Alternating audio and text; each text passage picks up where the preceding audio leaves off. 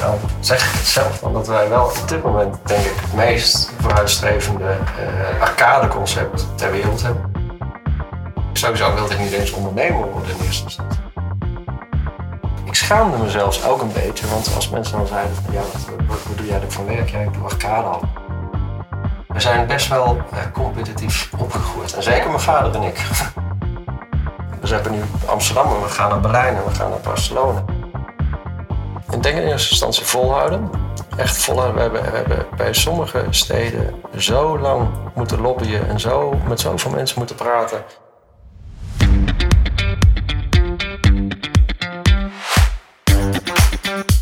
Dit is een podcast over leidinggeven en leiderschap. De rol als leider van een groep. Wat doet dat met de mensen achter deze functie? Wij gaan op zoek naar verhalen van leiders die wij kennen en die een verhaal te vertellen hebben. Over welke visie ze hanteren, wanneer het moeilijk wordt, over hun keuzes en loopbaan. Kortom, portretten over leiderschap. Wij zijn Marjolein Veringa en Rechtje Spijkerman. Allebei ondernemer en coach op het gebied van leiderschap en teams. Marjolein heeft het bureau Am Effect en is auteur van het boek Agile Focus en Besturing. Brechtje schreef het boek Navigeer je team naar succes en is eigenaar van bureau Teamtalk. Samen zijn wij met name nieuwsgierig naar de mensen die wij interviewen. GameState opent vestigingen in Amsterdam, Berlijn, Barcelona en de deuren naar China openen zich. Roel is een sterke visionair die in zeven jaar een belangrijke tak van dat familiebedrijf op zijn retour tot een internationaal miljoenenbedrijf heeft gemaakt. Beluister in deze podcast hoe deze weg verliep. Een weg met een aantal obstakels.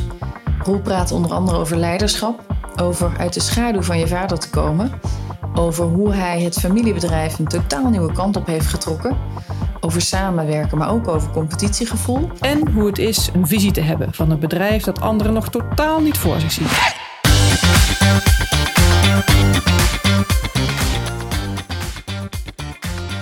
Wat is het verschil tussen jou en je bedrijf? Oeh, Um, ja, dat is typisch Marjolein. Die begint altijd heel filosofisch. Ja.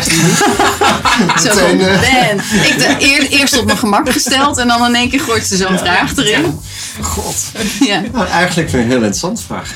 Um, ja, ik ben er wel mee getrouwd. En ik denk dat je inderdaad wel dingen van mezelf, karaktereigenschappen van mezelf in mijn bedrijf terugzet. Uh, in een persoon, een ander bedrijf. Maar ik denk, ik, nu, nu het zegt, ik heb er nooit over nagedacht. Maar je ziet wel, uh, ja, je ziet persoonlijke tintjes van mij terug in het bedrijf. Dat wel. En welke persoonlijke tintjes zien we terug in het bedrijf? Ja, het concept wat we nu aan het uit... Uh, uh, draaien we trouwens aan? We draaien al lang. Zeker. nou, het concept uiteraard, ik, uh, dat heb ik aangepast. Want toen het bedrijf overnam... kijk, arcadehallen heb ik niet bedacht. Arcadehallen deden wij ook al. mijn opa is ooit begonnen met flipperkasten, jukeboxen en pindaautomaten en dat soort dingen in Rotterdam van daaruit is hij doorgegroeid naar uh, videogames en flipperkasten in cafés. En mijn vader heeft dat heel opgepakt toen hij 16 en 17 was. En toen begonnen we echt meer arcade te doen met mm Namco, Sega, uh, Atari ken je misschien nog wel. Oh ja, ja zeker. Atari. wat betekent arcade eigenlijk? Um, nou, zijn het betekent ook een arcade, betekent ook een mooie boog. Mhm. Maar in principe, uh, een arcadehal, waar wij het nu over hebben, is eigenlijk een entertainment center um, waar videogames staan. Uh, en dat onderscheid wil ik maar maken, waar echt, wat geen kansspel is. Soms denken mensen nog wel eens over kansspel, dus casino, dat is het niet. Dus eigenlijk een plek waar je videogames speelt met elkaar op machines. En uh, dat zijn vaak van oorsprong zijn, waren dat vroeger videogames zoals Pac-Man en zo. Ja. Weet je, als Space Invaders. Ah, leuk, mm Pac-Man. Ja, precies. Als je van die zwarte kabinetjes. Ja. Nee, dat, was, dat was een arcade en toen kreeg je Street Fighter erbij. Weet je, van, ja. van die Japanse kasten waar je dan. Uh, want dat was de enige vorm van. Uh, dat, dat waren eigenlijk. Toen kwamen computers net uit, dus dat was de enige vorm van gamen wat er op dat moment bestond. Buiten de deur. Ja. Thuis hadden mensen nog niks. Dus je vader was 17, die nam het van zijn vader over? Ja, die begon toen uh, in een bedrijf te werken wel, dus werd mm pas later overgenomen.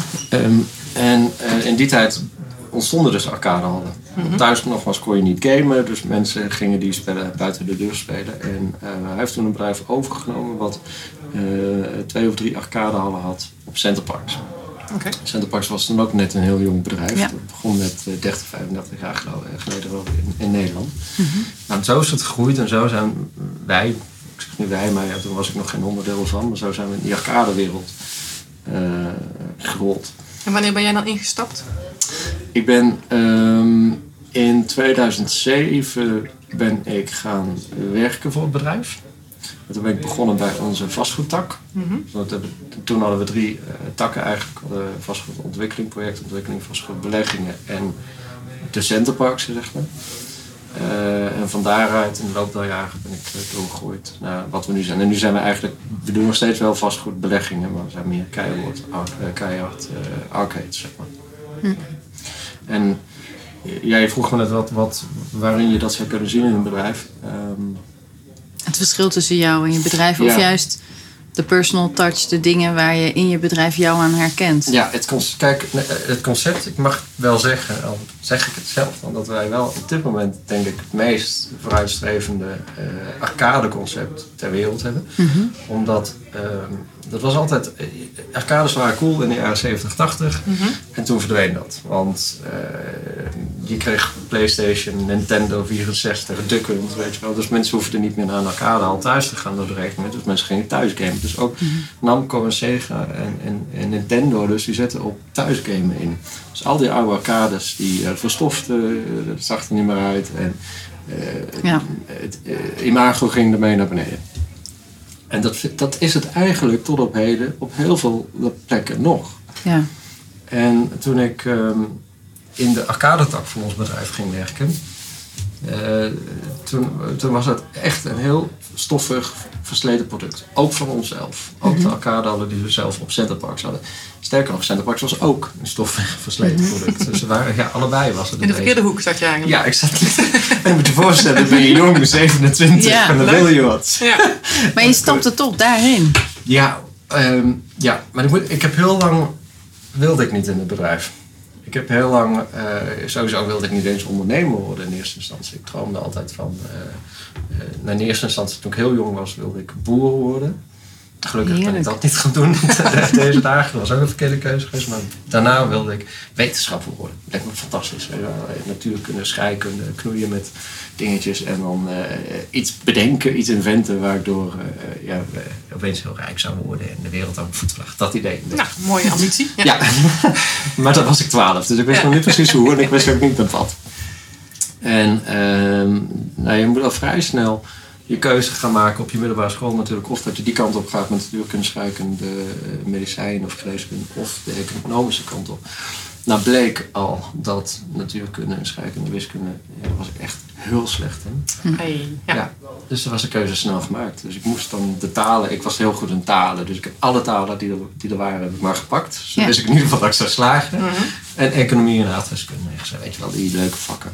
Eh, dus eigenlijk maak je al op, op 16-jarige leeftijd, achteraf gezien, best wel een keuze voor de rest van je leven. En toen ben ik international business gaan studeren. Dat vond ik, eh, ik wilde wel wat internationaals nogmaals. Ik zag mezelf ergens op mijn 25e op een penthouse in Londen of New York wonen. We wisten ook nog Niet hoe mocht doen. Altijd heel bescheiden. Ja, dingen. ik- Altijd bescheiden gebleven. ja, het grootste dromen. Laat ik het daarbij houden. Ik ben begonnen met boer, maar ik had nog, ja, Nee, grootste dromen. Dus ik, ik dacht wel van ja, dan moet ik het in ieder geval deze studie eh, in het Engels gaan doen en eh, inter- international based gaan doen. Dat vond ik ook hartstikke leuk. Ik vond het, ik, eh, het, het samenwerken met andere culturen, wat je op dat moment al doet, want ik studeerde in Maastricht, vond ik fantastisch. Ik sprak gelukkig met talen, maar ik vond het ook heel leuk om andere talen te leren. En met mensen uit China of Zuid-Amerika of Denemarken te moeten samenwerken. En die verhalen, dat sprak me ontzettend aan. Dat zie ik nu ook nog wel terug in mijn bedrijf. Want ik vind het nu juist leuk om aan de buitenkant van mijn bedrijf te staan en al die nieuwe ontwikkelingen eh, te doen. Ja, ook met andere landen. Ja, fantastisch. Ja. Ja, eh, ze- ze- ja, het moet uitdagend blijven. En voor mij is dat zeker, heeft dat zeker ook te maken met de omgeving waarin je werkt. Ja. Dus ja, toen naar arcade hadden, we zaten in dat stoffige, Ja. Ja. stoffige dingen in Nederland. Dus ik dacht, jeetje, daar nou mee gaan doen? En ik, ik schaamde me zelfs ook een beetje, want als mensen dan zeiden van, ja, wat, eh, wat, wat doe jij eigenlijk van werk? Ja, ik doe arcade hadden. Nou, de eerste reactie die je op dat moment kreeg is, hè, wat, wat zijn dat eigenlijk? En als je dan een beetje uitlegt, dan zeg je, oh ja, dat zijn die dingen van de jaren tachtig, toch? Ja, van vroeger. Ja, van vroeger. Oh, kun je daar dan nog geld mee verdienen? Ach, ja, en, en, en eigenlijk gelijk hadden ze. we, we draaiden nog wel, eh, we verdienen nog wel geld, maar het kwam ook alleen maar omdat we op Centerpark zaten. Waar eh, een vaste toestroom van bezoekers naartoe ging die geen Nintendo's en GameStates meenamen. En met een beetje geluk, dan regent het zo'n heel weekend. En ja, dan gaan mensen die arcadehal maar in en gaan ze het spelletje spelen van 20 jaar geleden. Dus op die voet kon dan altijd nog wel bestaan. Alleen ik was dat alles behalve trots op. En eh, toen dacht ik ook, ik denk dat ik toen een jaar of 30 was, denk ik, ja, dit ga ik niet doen de rest van mijn leven. Ik ga niet, ik, ik wil iets gaan toevoegen. Ik was heel, eh, ja, ik was in ieder geval blij met de opstapbedrijf die ik natuurlijk had. Want het was wel een existing bedrijf. Eh, we hadden al op dat moment iets van 30 locaties in Europa. We hadden een bestaande eh, managementstructuur, een technische dienst. Dus eigenlijk de ehm bonus structure zeg maar, van het bedrijf was er, alleen het product was niet meer goed. Ja. En ik dacht ook op dat moment, ja, dit, ga, dit, ehm, dit is ten dode opgeschreven. Als je hier niet iets mee gaat doen. Het gold ook, naar mijn mening, voor Centerparks op dat moment. Die Hoe hebben oud was je toen, toen je dat realiseerde? 30. Ja, rond mijn dertigste was dat. Oké. Ja, en toen, toen heb ik echt getwijfeld, jeetje, moet ik, moet, ik, moet ik dit nou gaan doen? Mijn eigen graf eh, delven, zeg maar. Of, ehm, En waar dacht je van, ja, dat ga ik doen? nou, het is echt een leuk verhaal. Ik heb het toevallig op mijn opening ook laatst verteld. Ik was toen, ehm, ik kwam natuurlijk ook uit, uit Limburg en ik woonde in een klein dorpje. En ik weet toen, eh, toen ging ik naar Amsterdam verhuizen. Dat vond ik al wauw. Dat eh, was niet het penthouse in Londen, maar het was Mooie eerste stap. het was een appartementje in, in Amsterdam, heel klein. Mijn vader begreep ook niet dat ik dat ging doen, maar ik was dolgelukkig op die paar vierkante meter hier. En ehm, toen ging ik voor werk naar New York.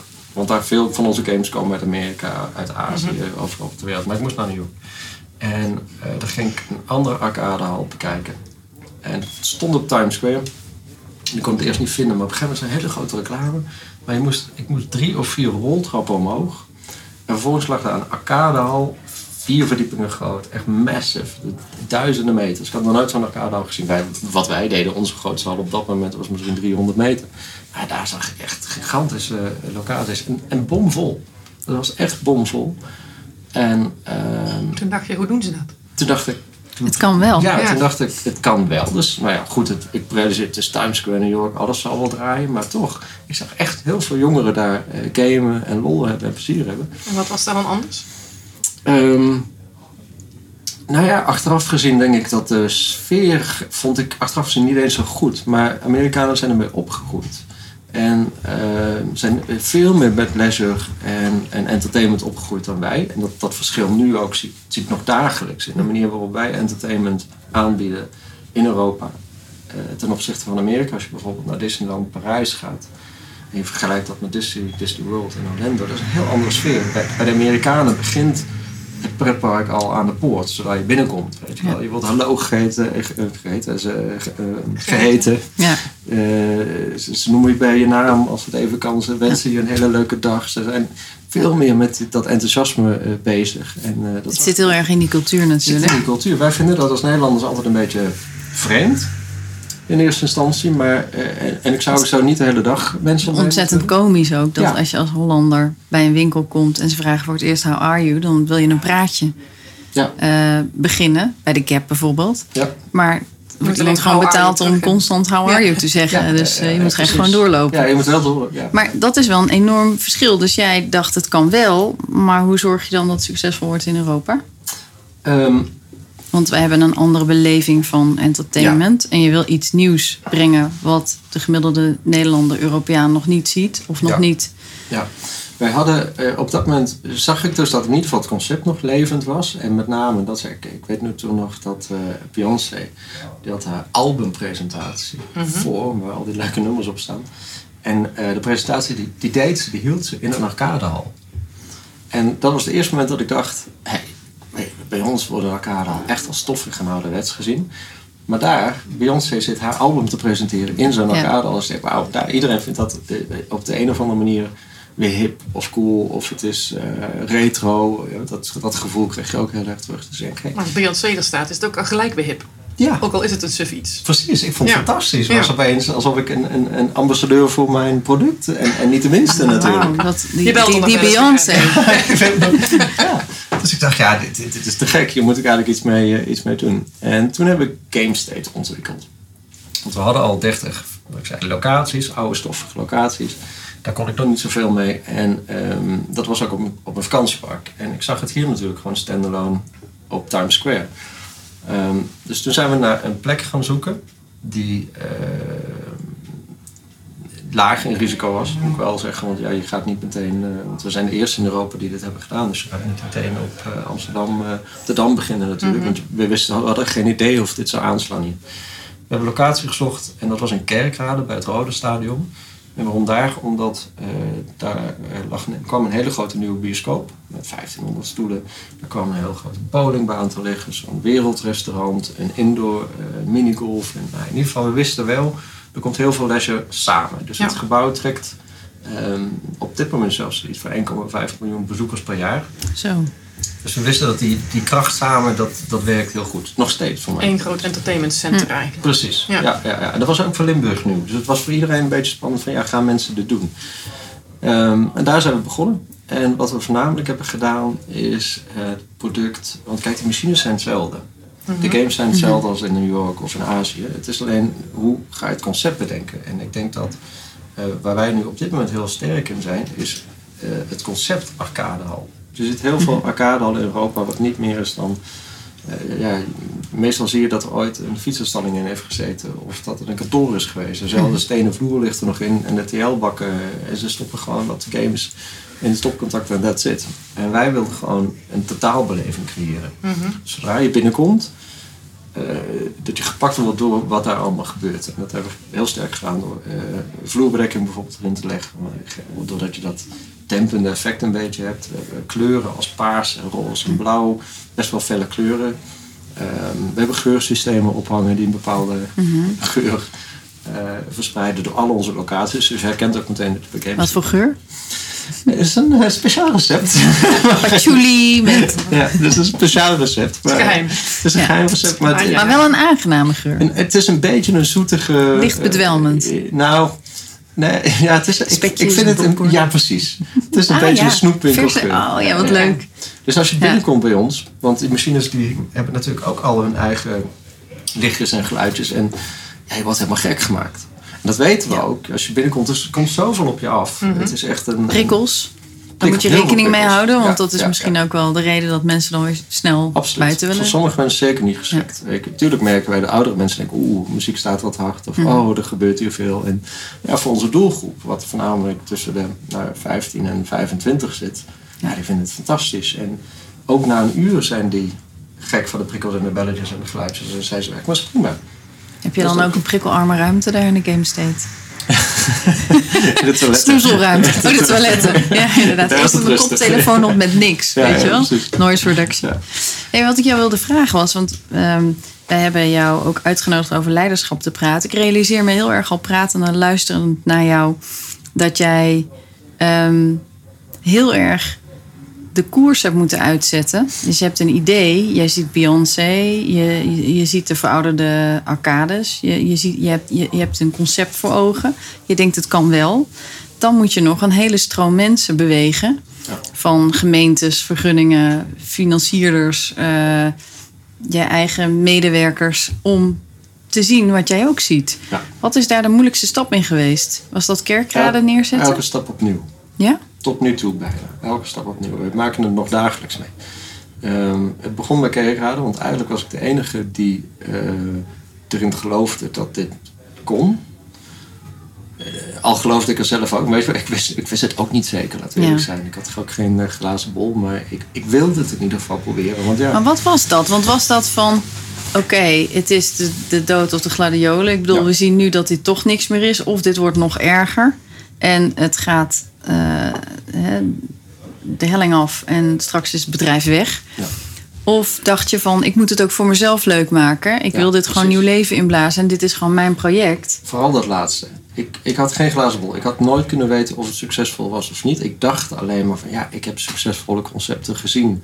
Maar ja, je weet niet hoe de Nederlanders erop reageren. Laat staan mensen uit Limburg. Ja, Eh, Nou, inderdaad. Limburg is ook weer een hele bijzondere provincie om zoiets te testen. Ja, precies. Dus ik, ik, ik had eigenlijk geen idee, maar ik had zelfs zoiets nee, ik, ik, ik moet dit gewoon een keer proberen. Ik wil dit gewoon een keer proberen, ook voor mijn eigen, om, om, om het leuk te maken. Want ik ging Mhm. toen best wel een hele lange tijd met lood in mijn schoenen naar het Ja. werk toe, omdat ik het gewoon niet leuk vond. En, Maar je kan ook zeggen, weet je wat, ik hou je met het bedrijf op. Ik ga Ja. lekker ergens een baan zoeken.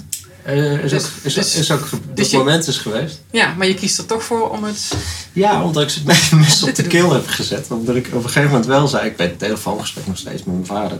Ik liep hier in Amsterdam. En niemand, wilde, niemand geloofde in dat uh, kerkradenproject. Nee. En er moest natuurlijk wel geld op tafel komen om daar te investeren, om de machines te kopen. En niemand ja, zei dan, ja, gaan we niet doen, we geloven er niet in.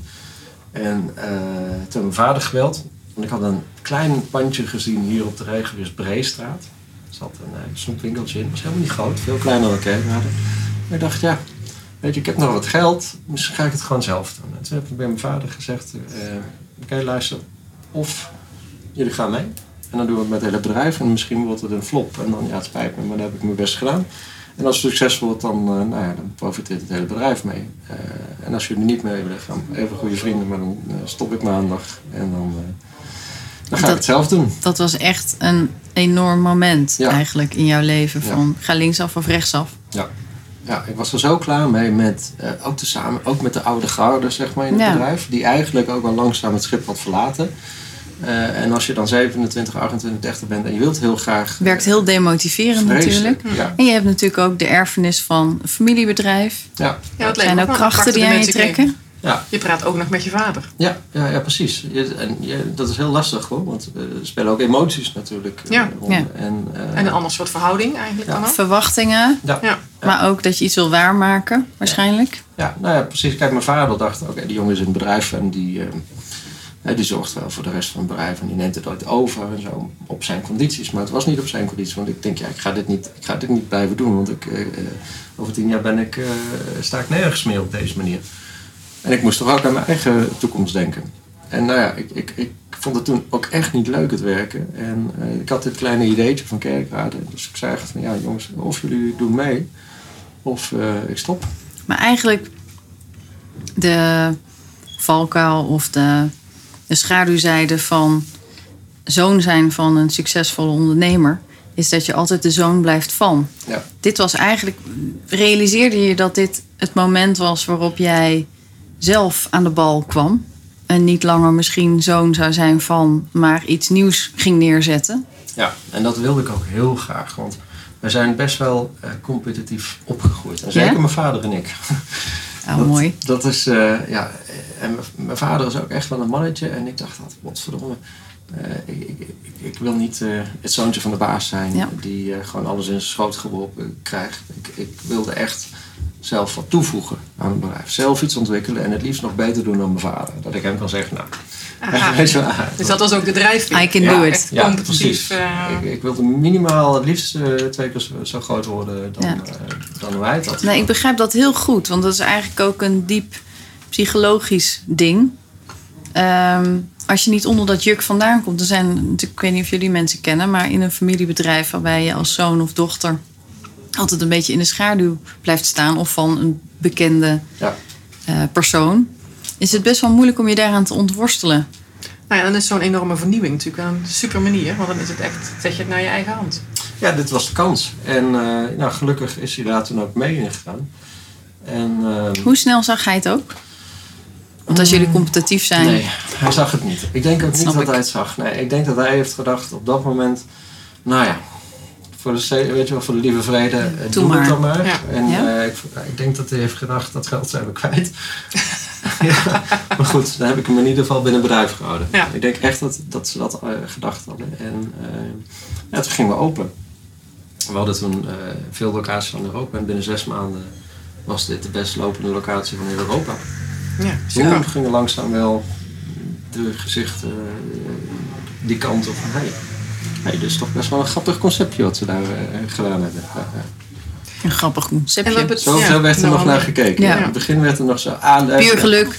Ja, Ja. het beginnersgeluk. En het was een klein halletje. En ach, nou ja, ah, zo drie of vier van die halletjes doen. Weet je wat. Het, werd nog steeds een beetje uh, op neergekeken. Nou, inmiddels is het, het bedrijf, eh, is het eh, de, de motor van ons bedrijf geworden. Hey, even terug naar dat, eh, dat, dat leiding geven, in de zin koers bepalen, mensen iets laten zien wat ze nog niet zien. Eh, waar jij in ieder project weer mee te maken hebt. Hoe doe jij dat? Ja, Wat zijn de eigenschappen die maken dat jij het voor elkaar krijgt dat bijvoorbeeld je vader, maar waarschijnlijk ook medewerkers, eh, stakeholders die iets moeten gaan zien in een nieuw project? Ja. Ehm, twee dingen. Ik denk in eerste instantie volhouden. Echt volhouden. We hebben, we hebben bij sommige steden zo lang moeten lobbyen en zo, met zoveel mensen moeten praten om ze te laten geloven in dit concept. Omdat ze allemaal in eerste instantie denken, A, het is een eh, casino of een gokhal, Ja. wat we niet zijn. En B, oh die oude rotzooi die elkaar hadden. Dus het, het, was- het was het- nog steeds, want ik maak het nu mee in het buitenland, waar ze ons nog niet echt kennen. Ja. Kijk, Nederland is geen probleem. Inmiddels, inmiddels weet heel Nederland wat we zijn en dat het een leuk concept is. Buitenland hebben we dat niet. Dus ik maak er nog steeds mee. Maar het is blijven volhouden. We merken iedere keer, ik, ik heb zoveel deuren in mijn gezicht eh, gekregen van Mhm. mensen die er niet in geloven. Eh, proberen uit te leggen en ze meenemen in het verhaal. We hebben heel veel videomateriaal. Maar het liefst neem ik de mensen mee naar de locatie. Toen bij Amsterdam, Amsterdam heeft vier jaar geduurd. Uiteindelijk hebben we 19 ambtenaren met een bus naar Rotterdam laten komen. Briljant. Om ze gewoon te laten zien, jongens, dit is het. Ja. Hier maar, dit is waar het om gaat. En toen, ja, weet je wel, dan geef je eerst een hele mooie presentatie van een half uur. En het laatste uur hebben ze allemaal zelf zitten gamen. Grappig, hè? Dat is de beleving. Want ik, ik ben vorige week... eh, heb ik jou, eh, jullie nieuwe kantoor gezien in echt. Ja. En eh, een onderdeel van dat kantoor is de werkplaats... waar de machines eigenlijk binnenkomen ook. Ja, Nou, eh, mijn handen gingen jeuken. Het was meteen van, mag ik even? ja precies. Ja, dus ik kan me heel erg voorstellen dat die ervaring veel meer zegt dan Ja. het erover hebben. Ja, precies. Ik kan, het, eh, ik kan het woordelijk, textueel uitleggen en dan denkt hij, nou, nou vind ik niet zo boeiend. Eh, dan gebruiken we in eerste instantie veel be- beeldmateriaal, video. En dan denken ze al, ah, nou ja, misschien. Het beste wat ik kan doen is de mensen meenemen naar een locatie en zelf ervaren. Want we weten, eh, zet zelfs een volwassene in een arcadehal. En, en ze, inderdaad, zijn vingers beginnen Iedereen te jeuken. Ja, en ze Ja, komen met een glimlach ja. naar buiten. En, oh, En je zegt ook wel iets anders mooi eigenlijk in dit verhaal, vind ik. Want in het begin zei je, ik heb eigenlijk nooit ondernemer willen worden. Maar je schetst wel een hele mooie ehm, eigenschap van ondernemers. En dat is volhouden, ook gewoon tegen de stroom inroeien. Want als je erin gelooft, daar, daar dus echt voor gaan. Ja. Is dan competitief zijn jouw enige drijfveer? Of zitten daar toch ook nog andere dingen achter? Waar je zegt, ja, maar ik, ik ga gewoon door tot het gaatje. Want dat hoor ik een beetje in je verhaal. Ja. Ehm, ja, omdat het nu mijn kind is geworden, eigenlijk. Het klinkt heel eh, poëtisch en emotioneel, maar ik ben zo... eh, dat hele game state eh, is in mijn hoofd ergens bedacht. Ja, Ergens op een strand in Egypte lag ik toen en toen zat ik te denken, oké, hoe gaan we een naam noemen, welke kleuren, echt alles heb ik proberen te bedenken. En ehm, inmiddels zijn we ook zover met Centerparks, die ook altijd een beetje neergekeken op het concept. Al die locaties van Centerparks worden allemaal omgebouwd naar game states. Dus we, we hebben nu een stuk of eh 50 locaties straks die roze en paars zijn met het, weet je wel, hetzelfde Ja. concept. En ehm, dus we hebben nu Amsterdam en we gaan naar Berlijn en we gaan naar Barcelona. En dus het is zo mijn kind geworden wat echt aan, het- aan het eh, opgroeien is. Dat je eigenlijk ook op die manier er blijft voor vechten. En ook, eh, het, het gaat niet meer zozeer om het geld hoor. Het gaat niet om het financiële succes. Mhm. Het gaat me nu om het feit dat ik denk, ja, we hebben zo'n leuk product. We zijn de eerste in Europa. daar moet ik wil iedereen het gewoon. Ja, ik wil het. Ja, ik wil het. Maar ik ben heel ja, benieuwd wat, wat voor, want je, je komt iets brengen. Wat is het dat GameState aan de wereld toevoegt? Om het maar eens even, als we toch een wat diepere laag hebben. Want Ja. GameState is mijn kind en het gaat niet meer om het geld. Je hebt het net al een beetje gezegd hoor, maar ik zou het graag van jou willen horen. Van, mensen kunnen denken aan gamen, maar wat, wat, wat doet het met een mens om... Het, het, het, is, eh, het haalt echt een uur lang even jezelf eh, uit de wereld. Is zo ontspannend en zo leuk. Je kunt ook gaan yoga, dat is ook op een hele leuke manier. En je kunt soms naar een moeilijke film gaan, maar soms kom je dat belabberder naar buiten. Maar dit is misschien ook, doet er misschien ook een appel op eh, een beetje de kinderlijke kant Ja, van precies. mensen. De Mm. speelsheid Ja, of de... We mogen allemaal spelen totdat we een jaar of twaalf zijn. En dan wordt het een beetje gek als je blijft spelen en of je, als je te veel plezier hebt. En in, in GameState is het weer geoorloofd even dat je helemaal uit je dak mag gaan. Ik weet niet hoe het zit met jou Marlijn, maar ik was vroeger echt helemaal van de videogames. En spelletjes. Superleuk. King Kong Maar die kwamen en toen, zo, King die Kong, die kwamen toen Ja. net uit. Pac-Man, Pong was de eerste. De camping in Frankrijk. Nou ja, precies wat je zegt. Dus dat is, Dat eh, is ook, ja. dat is ook Dus een wij zijn ook een doelgroep, Ja. Zijn wat. Wij willen ook. Pac-Man en Pong. Ik zou zeggen, het grootste vooroordeel wat we nu hebben, is dat mensen denken dat het voor kinderen is. Ja. We hebben laatst een, een eh, onderzoek gedaan naar onze, onze bezoekers. 11% is jonger dan 18. Dat betekent dat 89% volwassen ja, dat is. niet is. Ja. Ja, mooi. 89% zijn- zijn volwassenen eh, zoals eh, jullie en ik en eh opa en oma's die nog met hun kinderen komen. Het is geen kinderproduct. Maar als we jouw visie doortrekken, van waar, waar, waar eindig jij ergens met Game State? Als je kind volwassen is en misschien al bijna in het bedoel, Wat, wil- wat, welke ambities heb je? World domination? Nee, wat op ineens red ik denk ik niet Nou, je gaat nu naar China. Ja, klopt. Maar ik zou het gewoon heel mooi vinden om. eh, kijk, nu krijg je eigen pareltjes. Eh, we zitten eigenlijk in hele, eh, heel veel steden in Nederland en Europa. En Amsterdam was mijn pareltje omdat ik hier woon en omdat ik een geweldige stad vind. En dan word ik me heel erg erg aan het feit dat niemand wist wat Game State was in Amsterdam. En de rest van Nederland wel, maar hier niet. Dus ik denk, ja, dan wordt het zo'n trots dingetje eigenlijk. En eh, zo zijn er een paar steden. eh, kijk, in heel veel steden doe je zakelijk. Vanwege je, je, je, strategie natuurlijk. Dus als we naar Duitsland gaan, dan is Hamburg of München of. Dat zijn zakelijke plekken. Maar zelf heb ik niet zo heel veel met München. Ehm, als je me dan vraagt naar Barcelona bijvoorbeeld, of Parijs of Berlijn, dat zijn steden waar ik heel graag kom. En eh, dus qua visie denk ik, oh, het, zou, het zou ook mooi zijn als ik ooit in Barcelona in de zomer een terrasje kan pikken en dat daar mijn eigen gamestead is. Eh, dat enerzijds eh, wat ik heel graag zou willen. Anderzijds zijn we wel het concept aan het verbreden. Want nu zijn we echt sec arcadehal. En eh, mijn droomconcept zou er wel uitzien dat we echt veel meer meters groter zijn.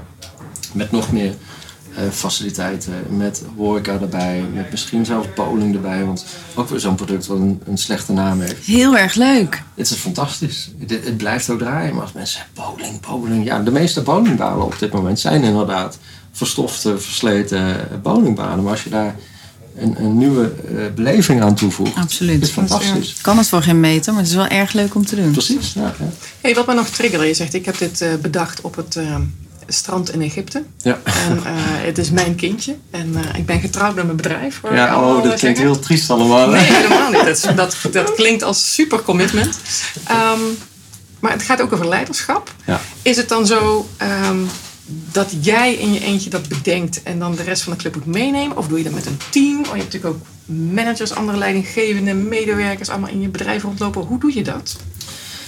Ehm, nou, je doet het nu inmiddels wel. Kijk, toen bedacht ik alles omdat we ook helemaal geen team hadden. En dat ik de enige was die met games bezig was. En nu hebben we inmiddels een groot team. Er zitten managers op. En ik denk dat je eh, nog steeds iemand nodig hebt die een beetje dat stipje aan de horizon heeft waar hij naartoe wil. En hoe het eruit moet zien. En ik moet eerlijk zeggen, ik bemoei me ook nog echt wel tot op de vloer met het concept. De beleving die ik wil uitstralen naar gasten, dat is nog steeds mijn idee. Maar je neemt nu veel meer input van je managers mee. Er zijn heel veel, je, luistert naar de verhalen van klanten en van managers, want zij zijn uiteindelijk degene die op de werkvloer staan en meemaken wat er gebeurt.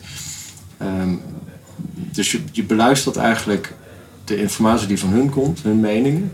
Wat niet goed gaat, wat heel goed gaat. En daar maak je in je hoofd eigenlijk een verhaal van. En dat voer je met z'n allen, voer je met z'n allen uit. Ben jij iemand die heel erg eh, op de werkvloer met de mensen weet wat er speelt? Of ben je iemand die de koers uitzet, veel weg is Ja. en je laat voeden door de managers van hé, hey, wacht eens even, dit project loopt supergoed, daar hebben we wat feedback gekregen. Hoe eh, moet ik dat zien? Ja, meer dat laatste. Eh, helaas soms zeg ik wel. Want ehm, ik ben iedere week onderweg, iedere week in het buitenland, omdat ik degene ben die dus naar de. Ja, je- bijvoorbeeld na een weekend eh, gewoon naar Praag toe ga. En dan loop, het enige wat ik doe, mensen denken dat er een hele strategieën achter zit of hele marktresearch. Nee, ik ga een weekend naar Praag. En dan ga ik rondlopen in die stad. En dan ga ik voelen en dan ga ik kijken wa- waar gebeurt het, waar gaan mensen naartoe, waar zit de bioscoop. Gewoon een beetje een, dat je die stad leert kennen. En dat je dan weet wat een goede locatie zou zijn. En dat is in eerste instantie wat ik doe. Eh, vervolgens ben ik ook in het hele traject betrokken. Tot, tot, eigenlijk tot aan een opening. Dat hele traject doe ik. Dus ik spreek, ik zoek de locatie, spreek met de gemeente, het lobbywerk zeg maar, met de overheden. En zodra de locatie staat, ben ik eigenlijk al met de volgende drie in mijn hoofd bezig. Dus de Ehm, rest is dan eigenlijk de uitvoerorganisatie. Precies. Maar dan moet jij ook wel zware besluiten overnemen soms. Als dingen niet lopen of... Ja, ja Of, het lastige is, want, want inderdaad, ik zou best wel heel graag vaak op de vloer willen staan om mee te maken wat er gebeurt of wat er misgaat. Eh, Als het nodig is. Ja, maar ook een feeling. Ik ben, mijn grootste angst zou zijn ooit dat ik feeling mis met, het, eh, met de gast of met het concept. Weet je wel, dat je zo ver in, de, in de boom zit uiteindelijk dat je niet meer weet wat er speelt op de werkvloer en dat je dan de koers uitlegt waar eigenlijk niemand meer geïnteresseerd is en dat je product langzaam afkalft. Eh, dus ik probeer dat wel heel vaak. Iedere week bezoek ik een game state. Waar dan ook. Dat probeer ik in het weekend als ik ergens langs ga, zo ga ik het even bezoeken. Al is het maar voor 10 minuten. Om even de vibe, de sfeer te proeven. Om even te kijken wat er goed gaat. Vinden medewerkers dat spannend als jij in één keer op bezoek bent?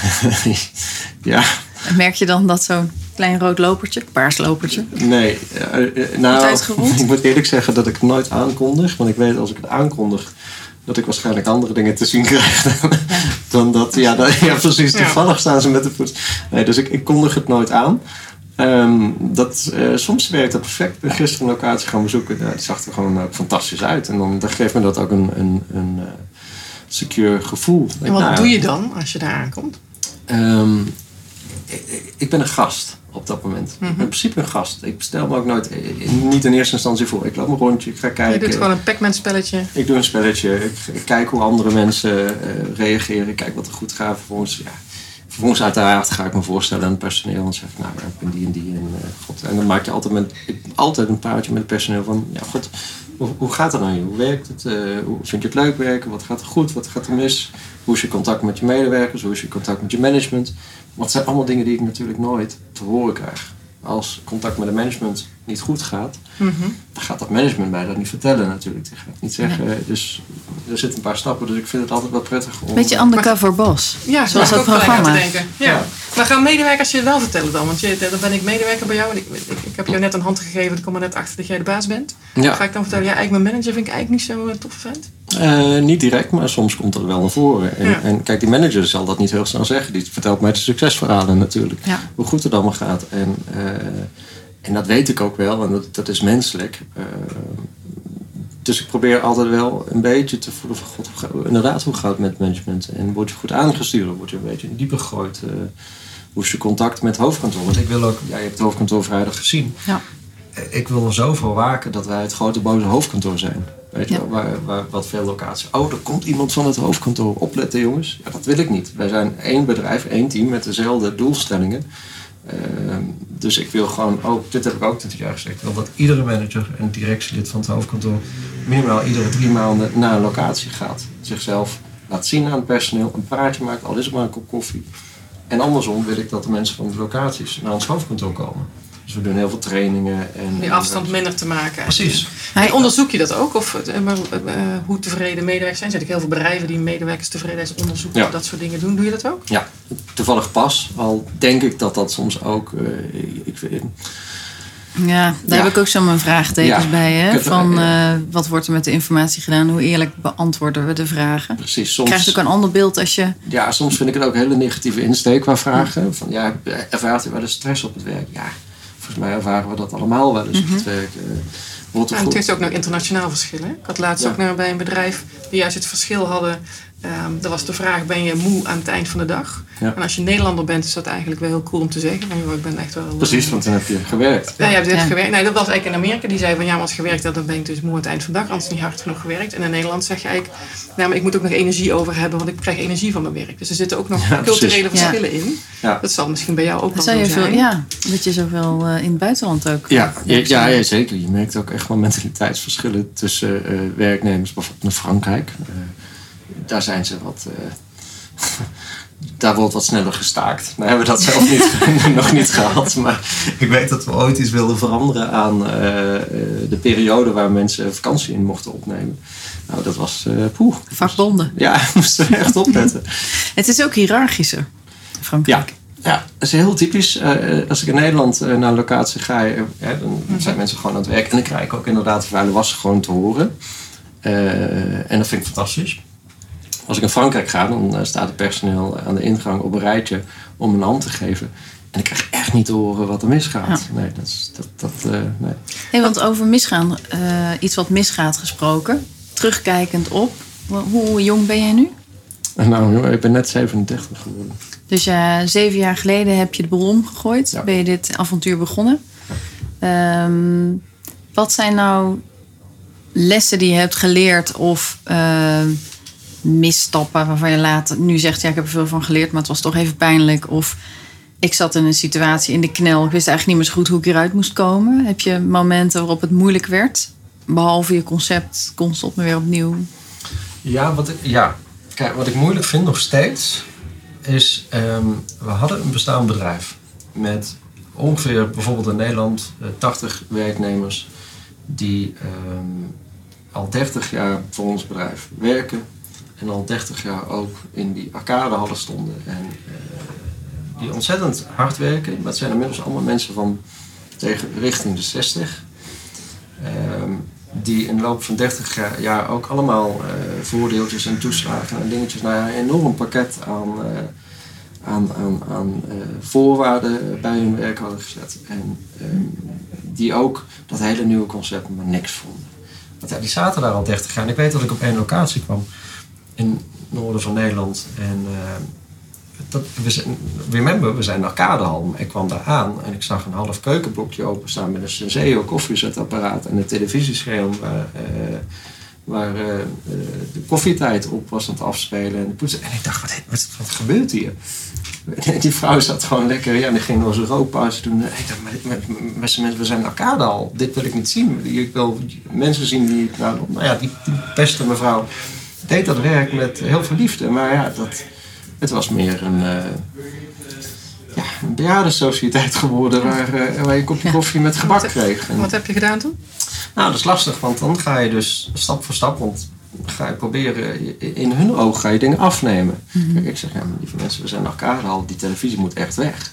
En dat koffie, is prima dat je koffie drinkt, maar doe dat achter de schermen. En nou ja, dat, daar werd ontzettend ehm, negatief naar gekeken. Want dan, komt, dan komt dus de jonge baas en de zoon van de eigenaar komt opeens eventjes Ja. vertellen hoe zij hun werk moeten gaan doen. Dus je neemt mensen, niet eens financieel, maar je neemt mensen dingetjes af. Omdat je een ander concept en beleving voor ogen hebt. En dat was ontzettend moeilijk. Ehm, Wat maakte dat moeilijk? De reactie van... ja, reactie. Mensen willen niet meegaan. Verandering wilden ze niet in meegaan. Eh, ik weet dat mensen, een heel stom voorbeeldje, maar op een gegeven moment gingen wij werken met eh, contactloze bepalingen, met pinnen. Dat, dat zelfs. En dat hebben we pas vier jaar geleden ingevoerd op die locaties. Dat was allemaal cash geld. En bij de GameStage deden we al heel lang pinnen. Daar deden we dat niet. En toen zei de half Nederland betaalt nu met een pinpas. Dat moeten wij toch ook mogelijk maken? Ja, vond ze allemaal niks. En, dan, en ze zeiden ook, gaat nooit werken, gaat nooit werken. Nou ja, we hebben zo'n pinapparaat daar neergelegd. En dan zit je op je hoofdkantoor en dan zie je de omzetten. En dan denk je, hoe kan het nou? Dat ding wordt inderdaad nauwelijks gebruikt. Mensen hebben gelijk. En, en, en in, mijn hoofd kon dat niet. We zagen locaties waarbij 60, 70 procent van de omzet pintransacties waren en 30 procent cash. Hier was 80 procent cash en 20 procent pin. Ik denk, hoe is mogelijk? Nou, en dan ga je af en toe dus naar zo'n locatie toe, undercover. En dan zie je dat dat pinapparaatje gewoon In de la. in de la ligt. Ja, precies. Nee, het werkt echt niet. Het werkt echt niet. Ja. En ik- Ja, en zo, Bewijs. Hè, dat- ja, dus zo werkt het dan. Oh, hoe kan het Maar het is wel grappig wat je zegt. Want eigenlijk vertelde je net dat verhaal over... eh, eh, nou, je hebt allemaal eh, ambtenaren uit Amsterdam meegenomen en Rotterdam. Eigenlijk om je verhaal te vertellen en te laten zien. Ja, Dit is een ander soort doelgroep. ja. Maar is die dan dus lastiger? Of begrijp ik dat verkeerd uit je verhaal? Ja, want we hebben altijd zo gewerkt en dit is de manier waarop we gaan. En zo blijven we dat dan altijd doen. En die gekke toestanden die uh, Jarmo bedenkt, daar moeten we niks van hebben. Maar die ambtenaren zeiden tegen jou... Ja, die arcadehallen die zijn allemaal niks. En we vinden allemaal niks. Precies Op zich is het hetzelfde, Exact, klopt. hetzelfde vraagstuk. Ja, dus wat hebben we gedaan? Geprobeerd. En, want kijk, sommige mensen krijgen gewoon niet mee. Mhm. Dan moet je eerlijk zijn. Sommige mensen krijgen niet mee en dat hebben we ook gezegd. hebben we ook aanbiedingen gaan luisteren. We gaan het toch doen. Helaas, ik weet dat jullie dit niet leuk vinden, maar we willen het bedrijf gewoon een andere koers op doen. En er zijn dan ook mensen die ons bedrijf hebben verlaten. Ehm, de andere mensen hebben we eh, ook Centerparks dus proberen mee te nemen in dat verhaal. We hebben eh, begin dit jaar een contract getekend voor Centerparks voor een investering van meer dan 10 miljoen euro om al die locaties te gaan ombouwen. Eh, om dat product weer hip te maken. Wat hebben we met ons personeel gedaan? Die hebben we meegenomen naar de andere locaties van GameState. Om te laten zien, kijk, dit is, dit is wat we eigenlijk voor ogen hebben. En ik vond het nog moeilijk hoor, in het begin. Maar ook in de bus, net zoals die ambtenaren. Ja, ja, letterlijk. Maar in het Ja. verhaal proef ik, en dat even dan om te toetsen, dat het lijkt of je het bij de medewerkers lastiger vond dan het concept verkopen aan de wereld om je heen? Of is dat Eh, niet zo? Ja, op een andere... Ja, want de wereld omheen zal dan toch sneller iets zeggen... Nou ja, oké, probeer het maar een keer. Maar dit gaat mensen echt aan het hart. Dit is Ja, een ja. werkplaats. Hier, hier zitten ze Je zes, raakt vijf, meer. Ja, vijf dagen per week. Nou, en jij zei net in een, in een bijzin van eh, hè, zoon van eh, de baas, jonge, eh, jonge vent die in één keer vertelt van ik heb een nieuw concept. Dat is natuurlijk ook wel van eh, een 30-jarige jongen die in één keer Ja, dat is wel heel sceptisch. hè, met een idee. eh, en, en dan eh, heb je natuurlijk heel veel beeldvorming. Ja, ja. Is heel, men- mensen waren heel sceptisch. En eh, op, op een gegeven moment zelfs binnen ons bedrijf een soort eh, tweestrijd, concurrentie tussen de oude garde en de nieuwe garde. Want we hadden die game states en die liepen fantastisch en die draaiden eh, veel beter omzetten dan die oude locaties. Dus, terwijl de me- medewerkers die daar werken qua arbeidsvoorwaarden veel minder arbeidsvoorwaarden hadden dan die mensen op die andere locatie al 30 jaar. Ja. Eh, maar die, die mensen op van die 30 jaar locatie, die keken echt een beetje eh, negatief tegen de hele groep. Wilden ze niet zoveel mee te maken hebben. Dus het was echt een heel moeilijk proces om die oudere garde enthousiast te krijgen voor het nieuwe product mee te krijgen. Dus we naar zo'n nieuwe locatie te nemen. Zelfs toen we daadwerkelijk locaties gingen ombouwen, was gewoon ontzettende weerstand. Nu hebben we dat gedaan, nu zijn ze open. Nu zien ze, hey, we hebben ineens meer bezoekers, we draaien meer omzet. eh, ik hoef niet meer die stomme klusjes allemaal te doen met dat cashgeld. En, en opeens zie je langzaam Ze zijn het ook leuker gaan ze zien. leuker gaan vinden. Ja, ze waren doodsbang bijvoorbeeld ook in het begin. Dat doordat we cashless gingen werken en meer met digitale systemen, dat de banen op de tocht zouden komen. Ja.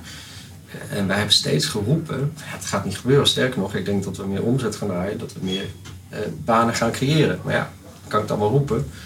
Eerst zien dan geloven, dacht Precies, iedereen. precies. Ja. Kijk, nu hebben we een aantal locaties gedaan en nu blijkt het ook zo te gaan zoals we gedacht hadden. En eh, nu merk je inderdaad, Dus nu heb je ook pas het vertrouwen gewonnen eigenlijk. Daar komt ook een stuk op neer, denk ik. ja, ja, ik denk het wel. Ja. Ja, en het is natuurlijk ook een hele grote verandering waar mensen, ik bedoel, daar, dat maken Marjolein en ik dagelijks mee. Een verandering binnen een organisatie Ja. is bijna altijd hakken in het zand, omdat die verandering te groot is. Ja. En mensen inderdaad moeten gaan zien van ja, is dat ijs wel dik genoeg? Kan ik er ook op staan? Hè? ja, precies. In dat nieuwe concept kan ik nog wel mee. Ja. En het loslaten van het oude, vertrouwde is natuurlijk voor mensen ook heel moeilijk. Nou ja, je, je hebt zelf het concept niet bedacht. Dus het is veel leuker om een eigen concept Ja. te bedenken en dat door te doen. Daar heb je Ja. nooit weerstand in, want Ja, je hebt het dus- zelf bedacht. Maar je komt nu, er Ja. komt een of ander jong gastje bij je langs die iets anders bedacht. En die moet je dan volgen. Ja, Ja. dat Ja. is natuurlijk het lastig. Ja, exact. En eh, dat, dat is ontzettend moeilijk gebleken, dat geef ik toe. En eh, het enige wat werkt is uiteindelijk de mensen laten zien, ter plekke, zoals we ook met de ambtenaren hebben gedaan. Dit is het, dit is wat jullie krijgen. En eh, uiteindelijk zijn ze gelukkig tot nu toe allemaal enthousiast. We hebben ook nog nooit, we hadden dus een bedrijfsfeest afgelopen week, opening van het nieuwe hoofdkantoor. We hebben nog nooit zo druk gehad. Omdat we nu eigenlijk, nu zien mensen wat voor leuk bedrijf ze zijn aan het worden. Wat, je, wat jij in je hoofd had, Ja. eh, dat kun je nu laten zien. Want dit is nou wat ik al, al die tijd Ja. had bedacht. Hoe ver ben je nu in, in, op je tocht? Eh, halverwege, zou ik zeggen. Halverwege. Ik ben ontzettend trots en blij wat we nu in paar- vijf jaar, want zijn ook maar vijf jaar overheen gegaan, eh, bereikt hebben. Eh, Ik ben ook heel blij met het nieuwe hoofdkantoor en ook blij met de, eh, eh, de, de, de structuren die we hebben gedaan. Al is dat ook best wel lastig nog steeds voor ons. Want we zijn zo snel gegroeid in de afgelopen vijf jaar. Dat, we, dat ik een beetje bang ben dat je soms te hard rent en daardoor gaat struikelen. Dus dat is ook heel belangrijk. Die groei is fantastisch leuk, maar je moet ook intern met je organisatie die groei kunnen bijbenen. En daar we zitten wel op de grenzen van dat. eh, Waar Hoe merk je dat? Ja, zeggen, hoe doe je dat, dat bijbenen? ja, dat, is- dat, dat is heel moeilijk. Het gaat heel, gaat heel, heel lastig, want we zijn ook nog eens in Club Jonge Honden. Qua management zijn we allemaal rond de 30, 35. Dus we hebben allemaal niet de ervaring van het eh leiding geven van een heel groot bedrijf of een heel groot team mensen. Eh, enerzijds ben ik er heel blij mee, want ik heb jonge honden die willen. Weet je, Ze willen allemaal zijn enthousiast en ze reizen en ze doen. En Veel energie. veel energie en dat vind ik fantastisch. Anderzijds missen we, moet ik ook eerlijk zijn, eh, de kennis en kunde van een groot bedrijf runnen. Ik denk dat daardoor heel veel dingen bijvoorbeeld bij ons toch iets gestructureerder kunnen gaan of iets efficiënter kunnen gaan dan dat wij ze op dit moment doen. Kun je een voorbeeld geven?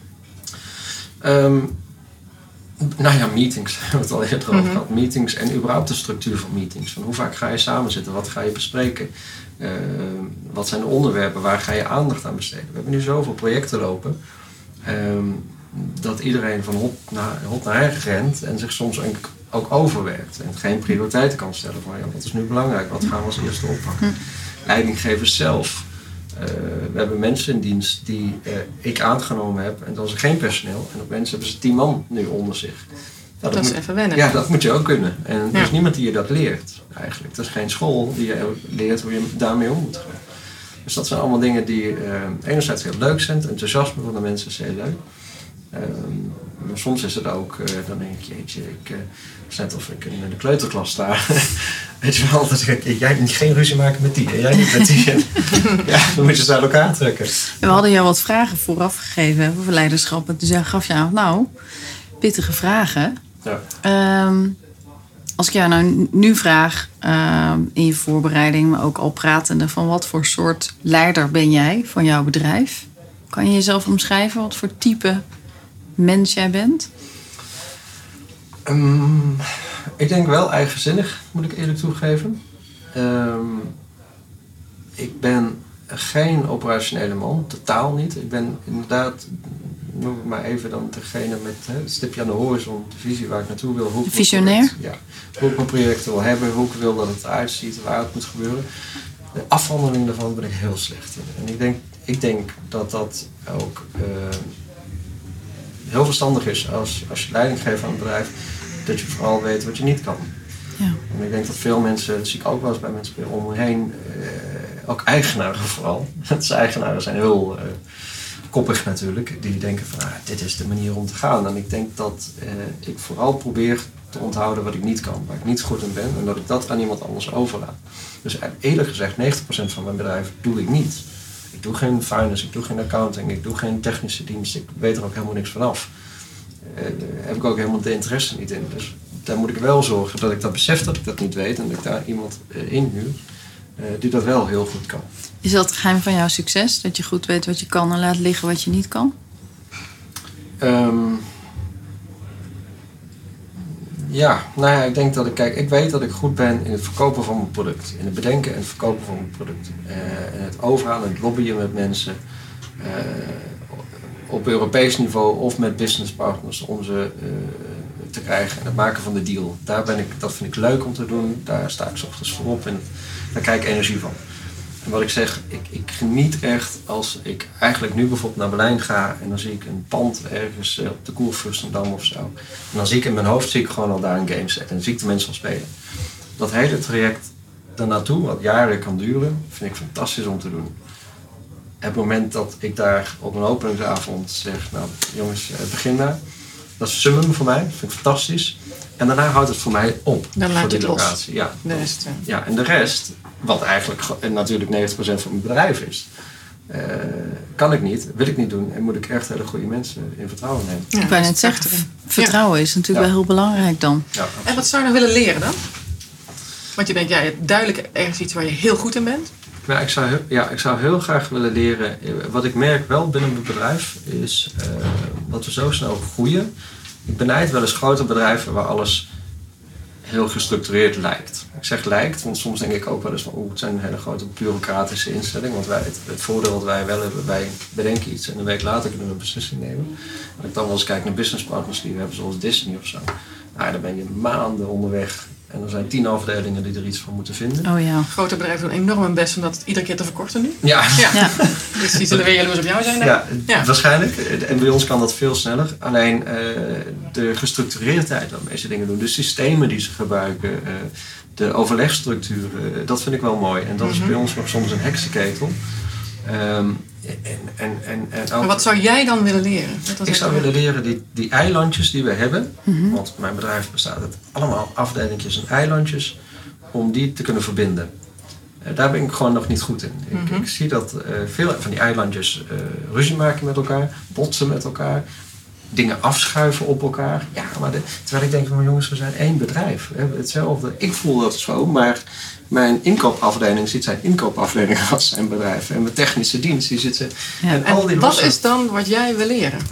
Ik zou willen leren die, die te verbinden. Die, eh, die eh, de neuzen in dezelfde richting te willen krijgen. Mhm. ik, ik, daar eh, vind ik dat ik nog een hoop zelf ook te ontdekken heb. En, en ook merk ik dat ik daar de ervaring mis. Want ik heb nog nooit eh, leiding gegeven aan zoveel mensen als nu. En zoveel afdelingen.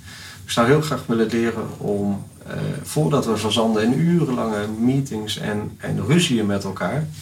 ehm, Ja, de verbinder in zijn ja, juist. het verbinden zijn van, en, en die, die mensen met elkaar te leren samenwerken met uiteindelijk hetzelfde doel. Dat is heel interessant wat jij zegt, hè? Want ehm, je geeft eigenlijk aan dat jij heel erg gericht bent op nieuwe projecten Ja. en naar buiten toe. Ja. Eh, en dit is heel erg intern gericht. Ja. Motiverend, inspirerend, Ja. verbindend. ja, omdat ik besef dat, dat eh, als je dat niet doet, dan kom je ook niet verder met je projecten. Kijk, ik kan een hele rits, ik kan morgen zorgen dat we zes locaties hebben, maar als ik de mensen niet achter me heb eh, die het gaan verwezenlijken, ja, dan wordt het een grote Dan puinhoop. lukken die locaties ook Dan, niet. dan krijg je ze niet geopend en dan Nee. wordt het een ramp. En ook met name, ja, ik kan wel leuk Amsterdam openen, maar als ik zes maanden na dato een bezoekje breng op mijn zondag in Amsterdam, dan wil ik dat het eigenlijk net nog zo bij staat als de dag van de opening. En eh, dat kan ik wel willen, maar daar heb ik heel veel mensen voor nodig. Mhm. en, en, en, en dat eh, is misschien nog wel het belangrijkste van het hele bedrijf. Daar werken ook de meeste mensen voor. Kijk, het, het projectteam, zeg maar, nou, bestaat misschien uit mezelf en nog een stuk of tien mensen. Ja, al die andere 300 mensen, die zijn er om de boel gaande en draaiende te houden. En, en dat zijn nog veel eilandjes, vind ik. En eh, die moeten echt eh, beter met, elkaar- met elkaar samenwerken. Ja, oké. Mooi. Misschien wel je kapitaal. Ja, absoluut. Dit, dit, uiteindelijk is dit eh, waar het om gaat. Kijk, zij zijn ook mensen die ook de, de resources willen leveren om te kunnen groeien. Absoluut. Nou, wij kijken uit naar die eh, World Domination Ah. van jou. eh. Ja, nou, ik wilde Roel ook nog even vragen... welke vragen hebben wij nog niet gesteld... waar je heel graag antwoord op had willen Dat geven? vind ik ook altijd een leuke vraag. Oeh, welke vraag waar je heel graag antwoord op had willen Dan zeg geven? nou, waarom stellen ze die niet? Of daar heb ik nog wel wat over te zeggen. Ehm, nou, misschien, en dat is een cliché, waarom ik het doe. Want eh, Dat zou ik heel graag willen horen. Waarom Ja. doe je eigenlijk wat je doet? ja, ik, denk, ik denk dat, en dat heb ik echt, want ik heb het verschil meegemaakt. Ik benijd, ik benijd dat zeg ik eigenlijk verkeerd, ik heb zoveel medelijden, zo moet ik het zeggen, met mensen die naar hun werk gaan om geld te verdienen. Of die naar hun werk gaan om, om, om, omdat het dan moet of zo. Ik heb dat ook gedaan. Ik heb, ik heb denk ik zes, zeven jaar lang ben ik eh, in bedrijf geweest. Dat ik ik maandag echt dacht, jezus. En ik woonde al in Amsterdam. Ik moest dan zitten, al twee uur in de auto rijden. En ik dacht moment... Volle God, tegenzin. Ja. Volle tegenzin. Ruzie, van die meetings waar ruzie of gekibbeld wordt. En dat je echt met een ho- hoofd vol stress naar huis komt. Dat ik denk, waar ben ik in godsnaam mee bezig? En ik zie dat toch nog wel bij heel veel mensen gebeuren. En ik, je, je leeft maar één keer. En ik denk dat je echt dat werk moet vinden. En misschien ook al verdient het wat minder. Want uiteindelijk gaat het daar niet om. Je moet iets doen waar je echt eh, enthousiast van wordt, gelukkig van wordt. En waarschijnlijk gaat dat verdienen in de pas mee. Want je merkt, als je iets doet wat je leuk vindt, ben je er ook goed in. Mhm. En komt dat eh, salaris of, of de inkomsten komen vanzelf wel. Maar ik merk nu wat voor opluchting het is. Als je een baan hebt waar je echt... Soms kan ik niet wachten als het maandag is. Weet je, denk ik... Oh jongens, ik heb, weet je, ik heb echt zin erin. Want ik Ja. ga dit doen en dat doen en zus doen. En, en dat vind ik echt... eh, ja, dat gun je iedereen eigenlijk. Maar je hebt het ook fantastisch omgeturnd natuurlijk. Ja, nou ja, ik Dat heb het geprobeerd. Anders, had ik het, anders was ik eh, gestopt. En Dus dat is ook gelijk een drive van je geweest. Ja. Als je ziet dat het zo mooi gaat. Misschien was ik dan toch die boer geworden. Ja. Nou, en ik vond een andere mooie ook in je verhaal. ehm, eh, mensen weer laten spelen. Ja, dat is prachtig. Als je het dan toch hebt over waarom doe je het. Dus volgens mij Ja. stiekem hadden we die ook een beetje gehoord van je. Heel stiekem, ja, als ik op zaterdag op een drukke avond van de gameset ga, dan geniet ik, dan kun je alleen nog genieten van andere mensen die het leuk hebben. Van kinderen die eh, helemaal uit hun dak gaan. Het is gewoon leuk om te zien. Ik kan eerlijk gezegd niet wachten. Marlijn, ga je met mij Ja, mee gaan, naar de eh, Game We State? gaan nu naar de Game State. Ja, je is er welkom. Hey Roel, hartstikke bedankt ja, zeker. voor dit verhaal. mooie gesprek. Graag gedaan. Jullie bedankt. En ehm Pulitzer, bedankt Ja, voor de zeker. ruimte.